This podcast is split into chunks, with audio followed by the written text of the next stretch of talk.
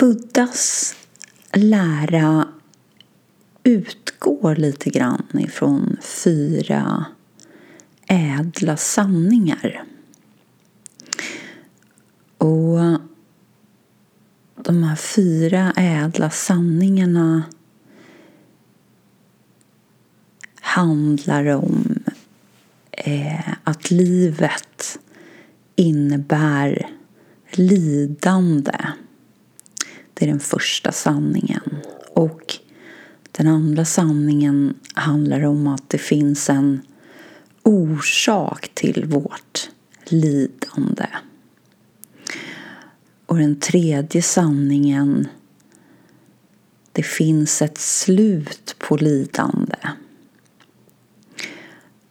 Och den sista och fjärde sanningen slutet på lidandet finns med i den åttafaldiga vägen. Så indirekt vägen som leder fram till att släcka lidandet eller att lidandet ska upphöra är då den åttafaldiga vägen. Som ibland också brukar kallas för den här gyllene medelvägen som ni säkert har hört. Eh, och den första sanningen där, livet innebär lidande eller livet är lidande.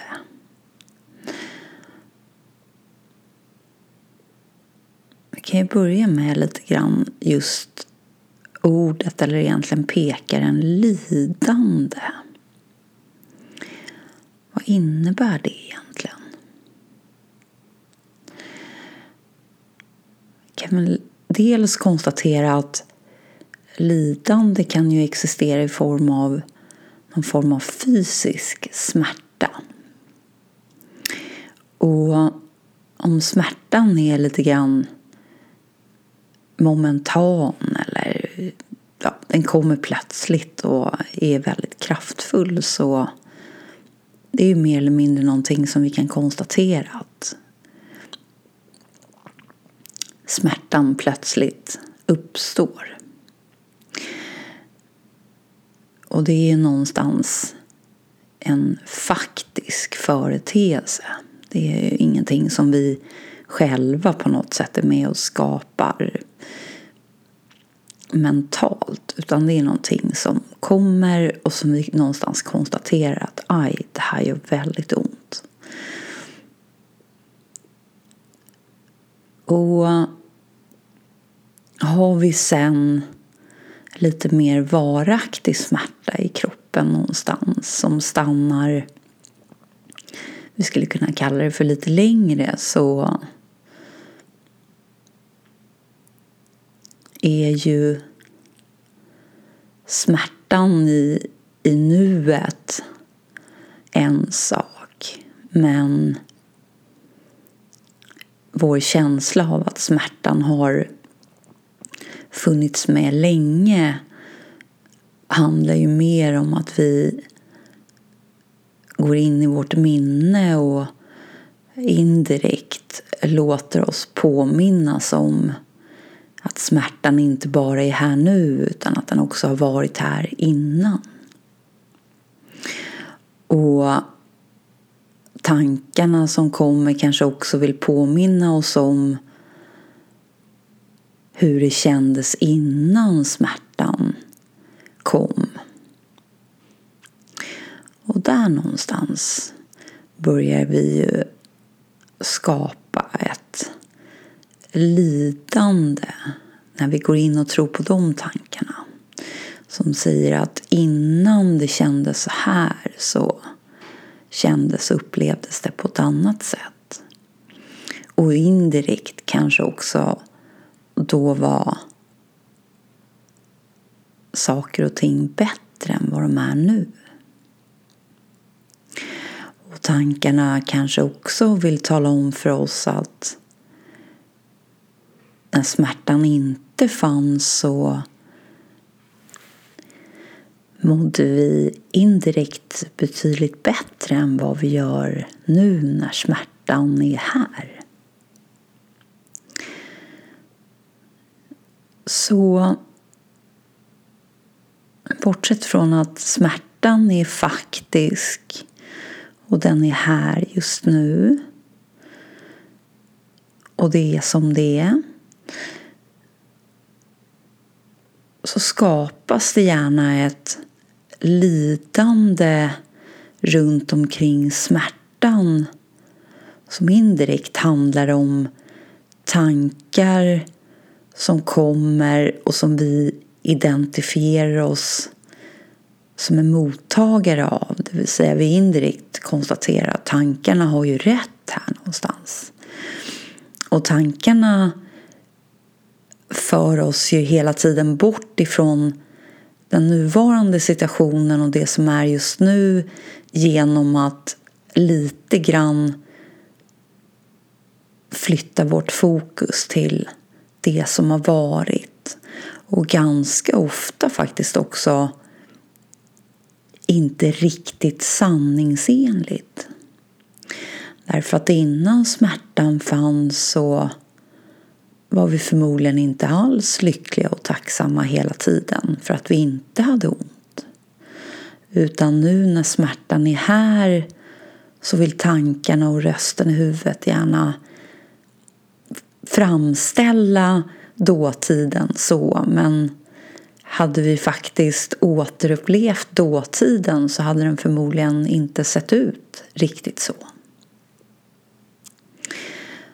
Så utöver den fysiska smärtan så skapas det successivt det vi kan kalla lite grann för lidande. Och det är ju ett exempel. Lidande skapas lite grann på motsvarande sätt när vi råkar ut för situationer i det vi kallar för livet eh, som kan handla om att någonting inträffar och så kommer tankar som säger att vi har inte tid med det här just nu. Vi har inte tid att ta itu med det här som har inträffat just nu därför att vi har så mycket andra olösta saker som vi behöver ta itu med. Till exempel. Och så skapas det en stress i kroppen och det skapas indirekt ett lidande därför att vi identifierar oss som någon som helt plötsligt inte har tillräckligt med tid. Och tiden, den linjära tiden som vi känner till, den kan vi inte riktigt få mer av.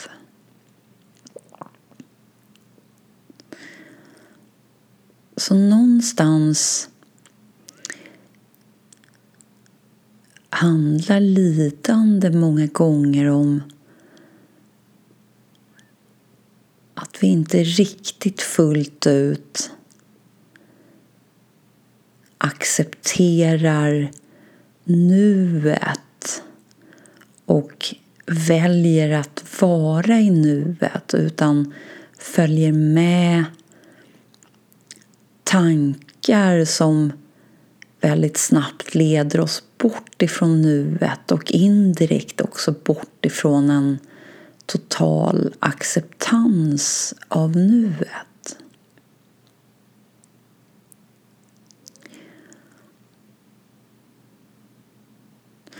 Vi har pratat lite om det här tidigare, just det här att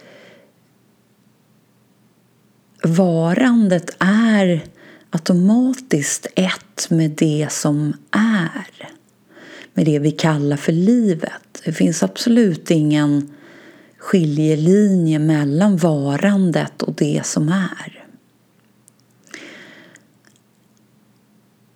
Medan tankarna och när vi går in och identifierar oss som en mottagare av tankarna så blir vi distanserade ifrån det som är ganska snabbt. Därför att tankarna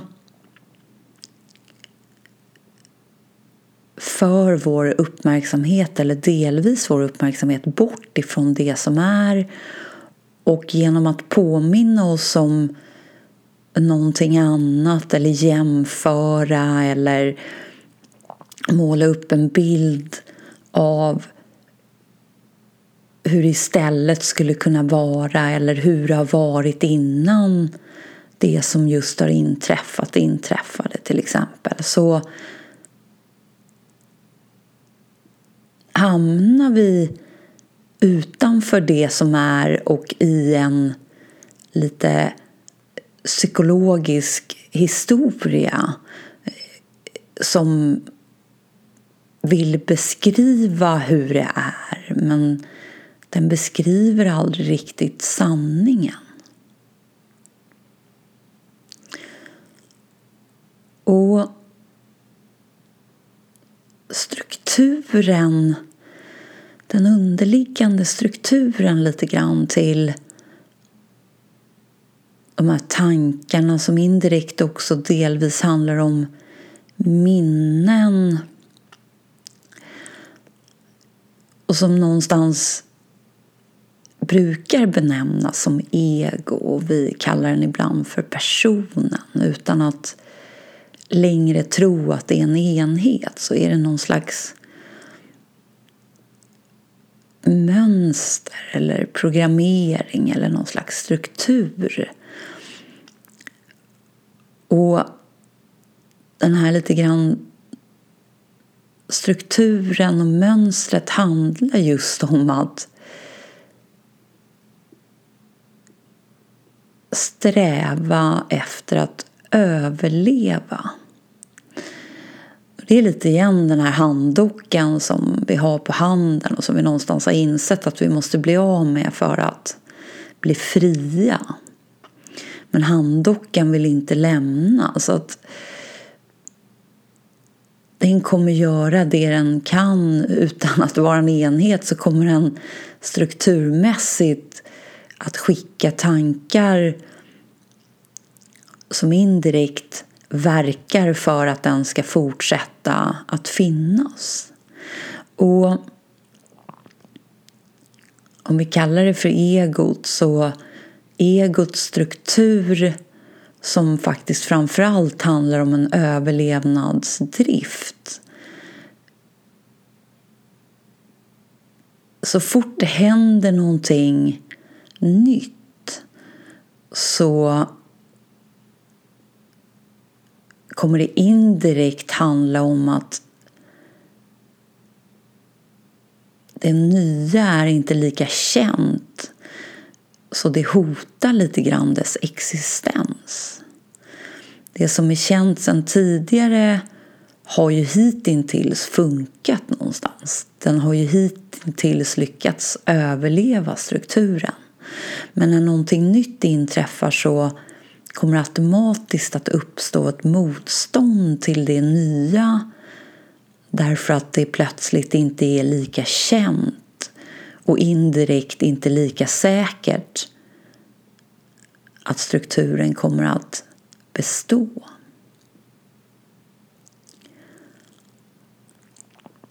Så det finns ett naturligt motstånd i själva strukturen att acceptera nuet så fort nuet innebär någonting nytt i förhållande till det som har varit ett tag.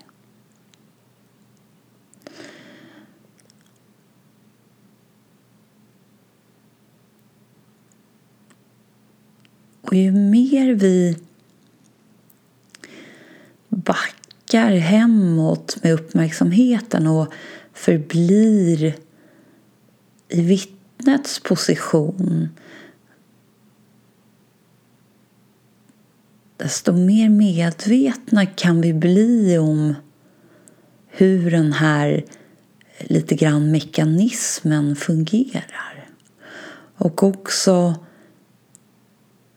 att den faktiskt väldigt mycket repeterar det här mönstret. Och lite grann när vi blir medvetna om mönstret då upplever vi någonstans lite grann faktiskt att vi börjar avslöja någonting. Så länge vi är i känslan av att det kommer nya saker så är det mycket svårare. Men när vi börjar se mönster och någonstans också kan relatera till att det här mönstret verkligen är repetitivt och återkommer lite grann om och om igen. Situationerna kanske tycks vara nya men mönstret är lite grann detsamma. Ja, då kan vi verkligen börja genomskåda den här strukturen lite grann. Och det gör vi väldigt snabbt och enkelt när vi förblir i vittnets position. För där har vi automatiskt en neutralitet och en distans som indirekt ger oss den här klarsynen. Det är väldigt mycket som när vi tittar på någon film eller någonting och, och där har vi mycket lättare att kanske se rollkaraktärernas mönster Eh, och hur de lite grann i vissa lägen faller tillbaka in i att vilja agera på samma sätt trots att det har visat sig att det inte var en framgång att agera så, så kanske de ändå faller tillbaka. Och där kan vi se det mycket snabbare än hos oss själva. Men backar vi hemåt och förblir i vittnets position med vår uppmärksamhet, ja då blir vi mer åskådare och vi får en distans vilket gör att det blir mycket tydligare allting. Det kan nästan upplevas faktiskt som vi får hjälp med att se. Det är som att vi får låna lite grann en ny lins eller vi kan eh, skruva lite grann på skärpan till linsen så att saker och ting blir tydligare och klarare än vad de var innan.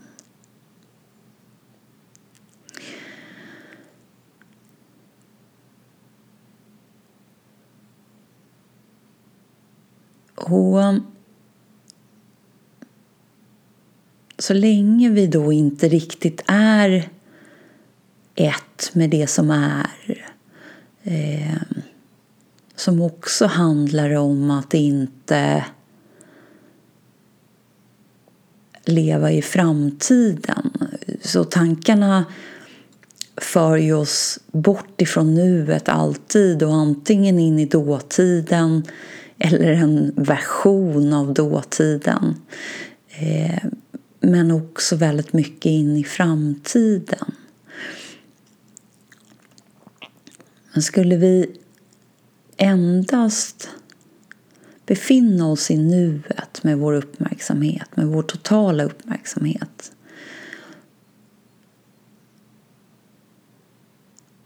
så kommer varken förväntningar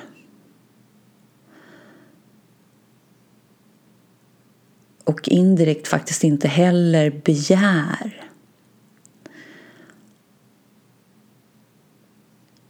Och det kommer inte heller in jämförelser där nuet på något sätt ställs mot någonting annat än nuet. Skulle vi enbart vara i nuet vilket är detsamma egentligen som att inte vara identifierad med en enhet, med en person. Därför att personens lite grann till synes existens handlar ju just om den här historien som indirekt bygger upp känslan av en person. Så tar vi bort historien, om vi bara är i nuet utan någon som helst historia och inte heller någon fortsättning in i en framtid. Så existerar inte riktigt lidande. då är vi plötsligt ett med det som är och indirekt det som sker. Utan någon referator som snabbt talar om att det var bättre innan och att det borde vara på ett annat sätt än just precis så som det är.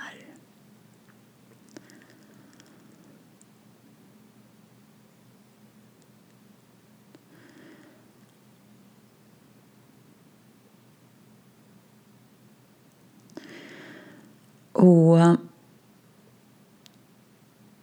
Buddhas andra ädla sanning som just talar om det, att det finns en orsak till vårt lidande så är ju hans orsak eller hans förklaring är ju begär.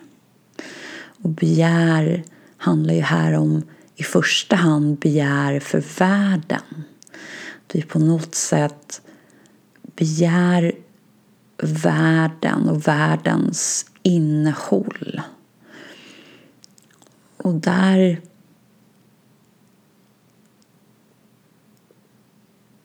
som vi har varit inne på tidigare så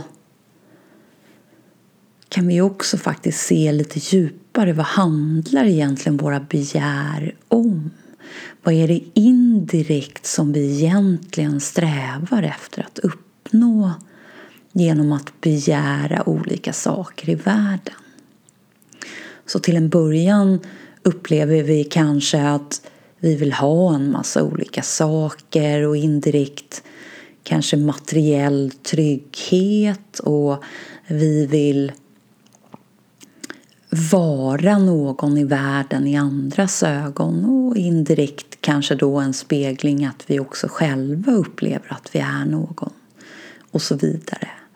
Och vi kanske vill resa för att vi upplever när vi reser att vi är mer frigjorda och känner oss mer avslappnade och mer oss själva eller i oss själva och så vidare och så vidare. Men, men någonstans som vi lite grann buntar ihop alla de här begären och ser lite på dem som en, en och samma underliggande orsak så handlar det ju faktiskt uteslutande om vad vi tror oss kunna uppnå i form av ett inre tillstånd eller en inre tillfredsställelse om vi skulle tillgodose de här begären. Om vi nu ska vara lite mer självreflekterande och inte bara blint gå efter begären och blint gå efter rösten i huvudet som utlovar att om vi bara skaffar oss det här så blir allt bra. Men om vi nu ska vara lite mer inåt reflekterande och faktiskt ta ett steg tillbaka och försöka detektera lite grann roten till våra begär så handlar roten snarare om att vi söker efter ett inre tillstånd eller en inre tillfredsställelse som vi kanske på den djupaste nivån skulle kunna bestäm, benämna som en slags inre uppfyllelse. En inre känsla av självuppfyllelse. Som står lite grann för att när vi är där så saknas ingenting. När vi väl är i självuppfyllelse så finns det ingenting som vi upplever att vi begär därför att allt är redan där.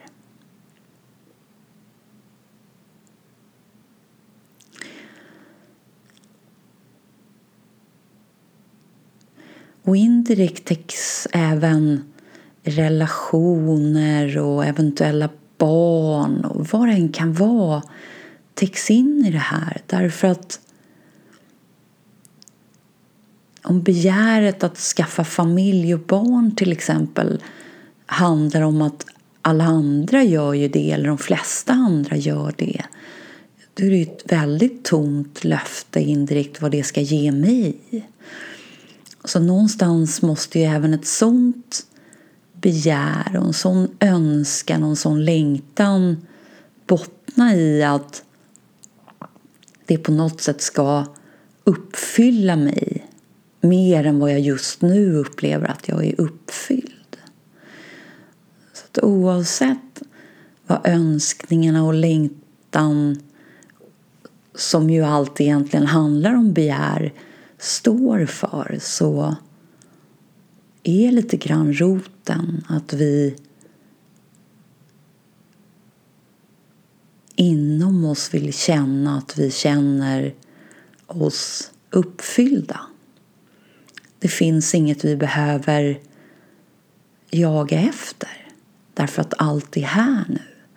Och den känslan är jag övertygad om att alla kan relatera till. Därför att den har funnits där många gånger hos oss alla. Och kanske många gånger faktiskt när vi inte alltid har haft allt på pappret som vi indirekt kan gå på när rösten kommer att vi behöver ha för att vi ska vara där igen. Det kanske till och med handlar om situationer där vi nästintill har förlorat allt. Som vi helt plötsligt upplever att vi befinner oss inom oss i ett fullständigt lugn.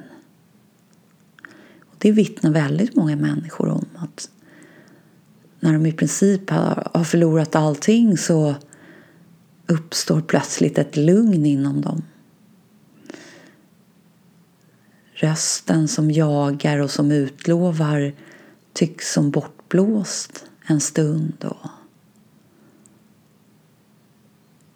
alla attachments indirekt försvann därför att de verkligen försvann.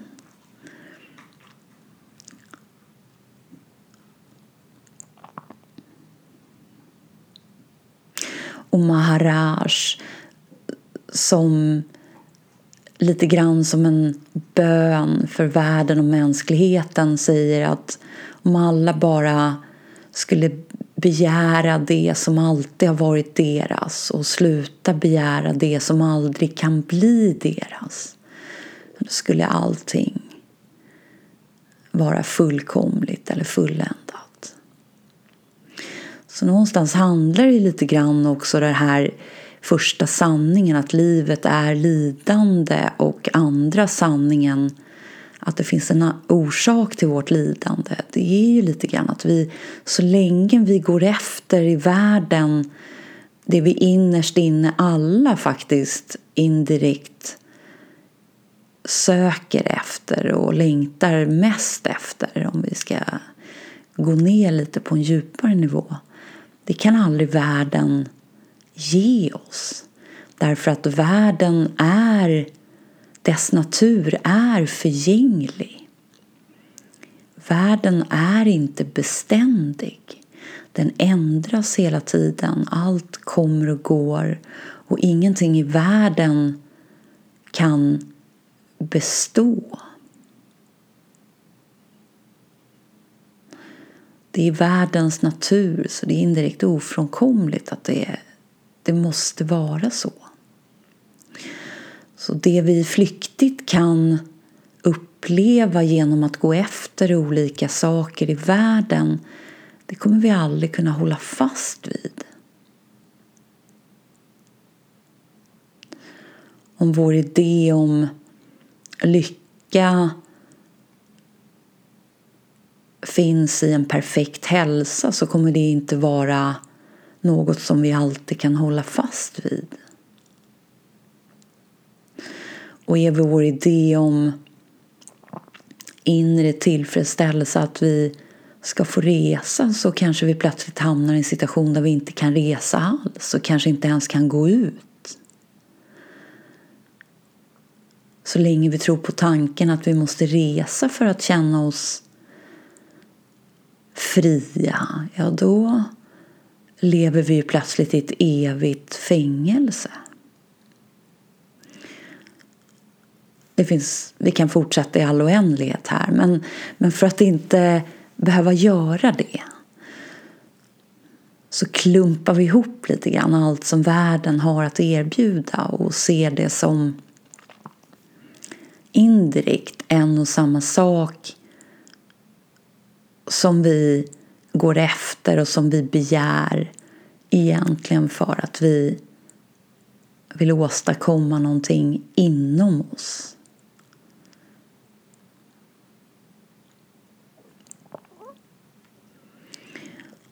Och som världen faktiskt aldrig kan ge oss mer än flyktigt.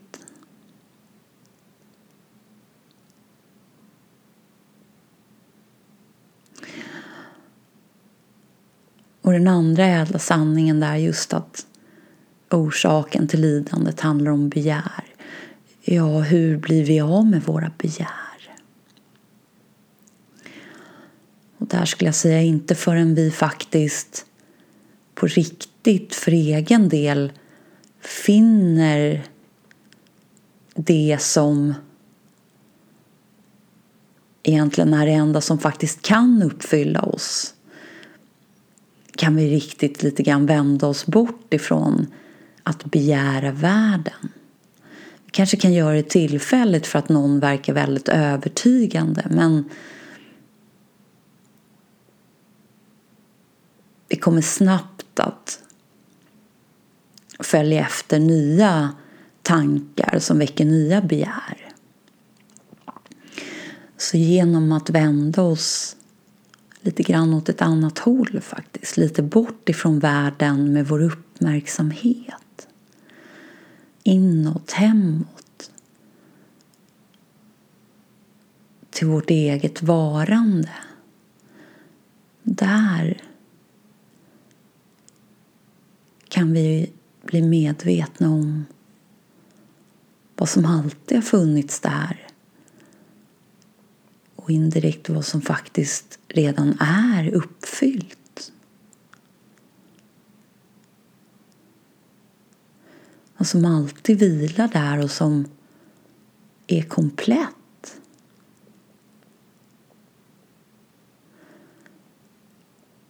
Och där även insikten om världen och världens sanna natur vilar.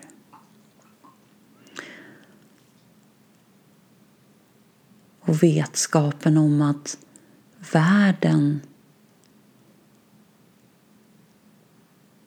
inte på något sätt kan förbättra eller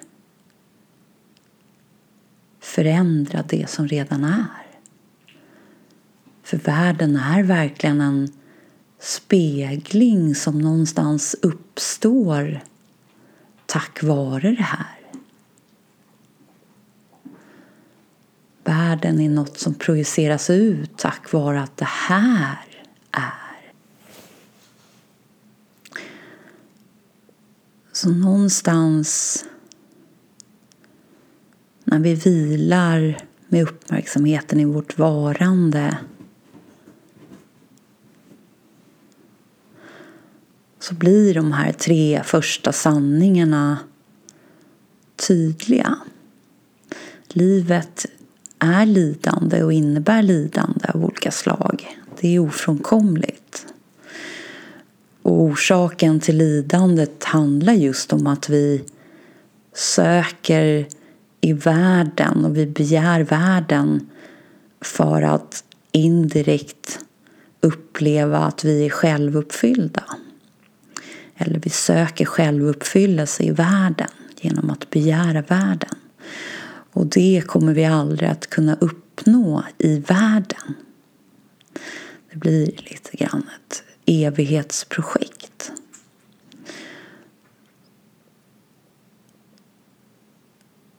Så vi behöver finna självuppfyllelsen genom någon, något, ingenting annat.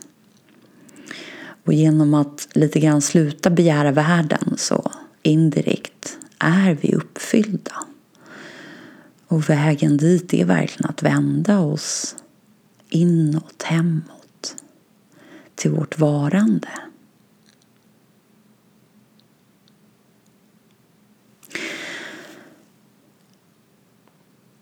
Och Maharaj har också fått frågan om det här med lidande. Så en sökare som besöker honom säger The universe does not seem a happy place to live in. Why is there so much suffering? Universum, eller ja, kanske snarare jorden, för det är väl framförallt det han känner till. Men verkar inte vara något speciellt lyckligt ställe att leva på. Varför finns det så mycket lidande? Och då svarar Maharaj Pain is physical, suffering is mental. Så smärta, alltså fysisk smärta, den är fysisk medan lidande är mer ett mentalt tillstånd. Beyond the mind there is no suffering. Bortom sinnet, alltså det vill säga tankarna och indirekt känslorna, så finns, existerar inte lidande. Pain is merely a signal that the body is in danger and requires attention. Så fysisk smärta är endast en signal att kroppen är i fara och behöver vår uppmärksamhet. Similarly, suffering warns us that the structure of memories and habits, which we call the person, is threatened by loss or change. Så på samma sätt så är lidande en varningssignal att strukturen av minnen och vanor, det vi kallar för personen, är hotad. Antingen hotad så tillvida att den kan försvinna eller att det kommer ske en kraftig förändring. Pain is essential for the survival of the body, but none compels you to suffer. Så fysisk smärta är viktig för att kroppen någonstans ska överleva. Men det finns ingenting som existerar som en sanning som säger att du behöver lida för att överleva. Suffering is due entirely to clinging or resisting. It is a sign of our unwillingness to move on, to flow with life. Så lidande beror enkom eller enbart på att vi håller fast vid eller håller kvar vid ett motstånd indirekt ett motstånd till det som är. Det är ett tecken på att vi är ovilliga eller oförmögna att gå vidare. Att vara ett med livets flöde och att indirekt flöda som ett med livet.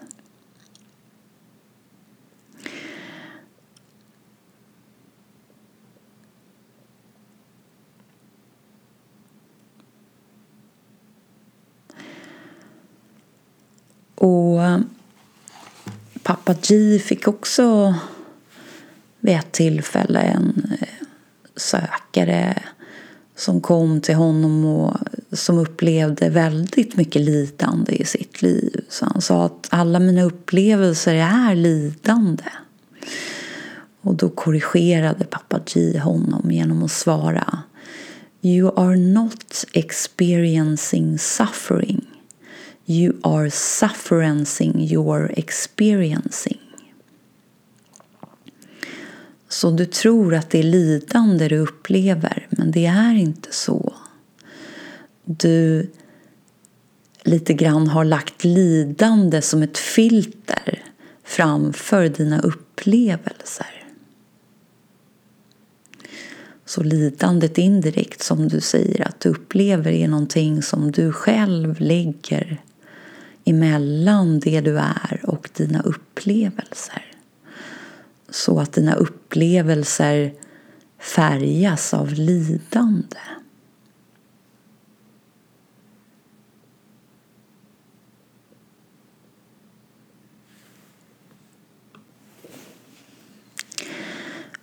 Och Buddha säger bland annat Never let the sadness of the past and the fear of the future ruin the happiness of your present. Och lite det här har vi varit inne på nu i det här avsnittet. Just att om vi inte följer med tankarna som tar oss till det förflutna eller projicerar in oss i framtiden utan faktiskt är här och nu i vårt varande, i nuet så vilar en inre tillfredsställelse som vi skulle kunna beskriva som lycka verkligen där.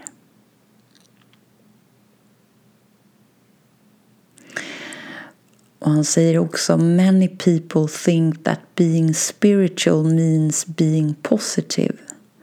But being spiritual means being conscious and aware. To become conscious is a much different thing than to become positive.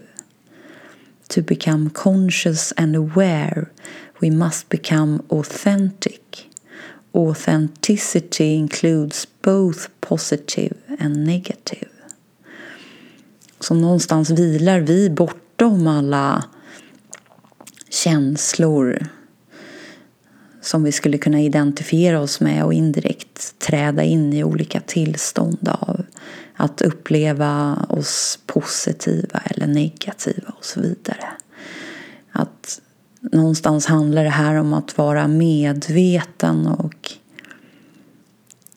vila i vittnet, det neutrala vittnets position som någonstans är medveten om alla tillstånd och alla känslor och tankar som kommer och går. Och att det positiva kommer och sen byts ut av någonting annat.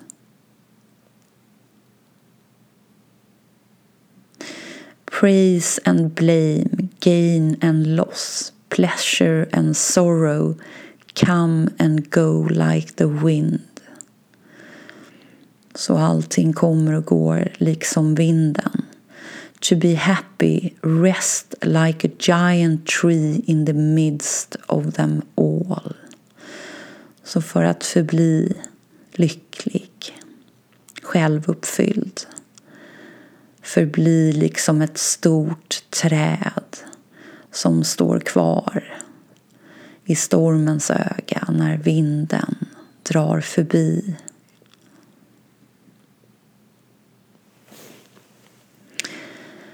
Och någonstans det som den åttafaldiga vägen som är lite grann svaret på de här ädla sanningarna ska leda fram till och som ibland nämns eller benämns som nirvana. Nirvana is this moment seemed directly. There is nowhere else than here.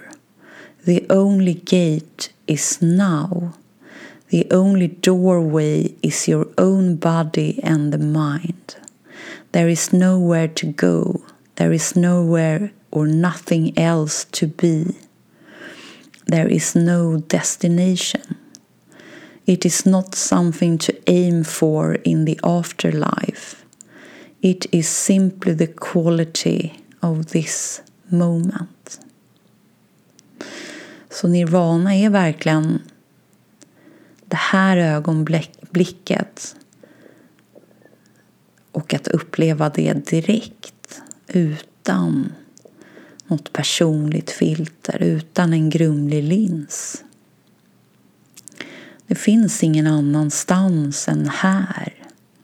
Den enda portalen är nuet. Den enda dörren är din egen kropp och indirekt ditt sinne. Det finns ingenstans att gå. Det finns ingenting annat som du ska vara. Det finns ingen destination.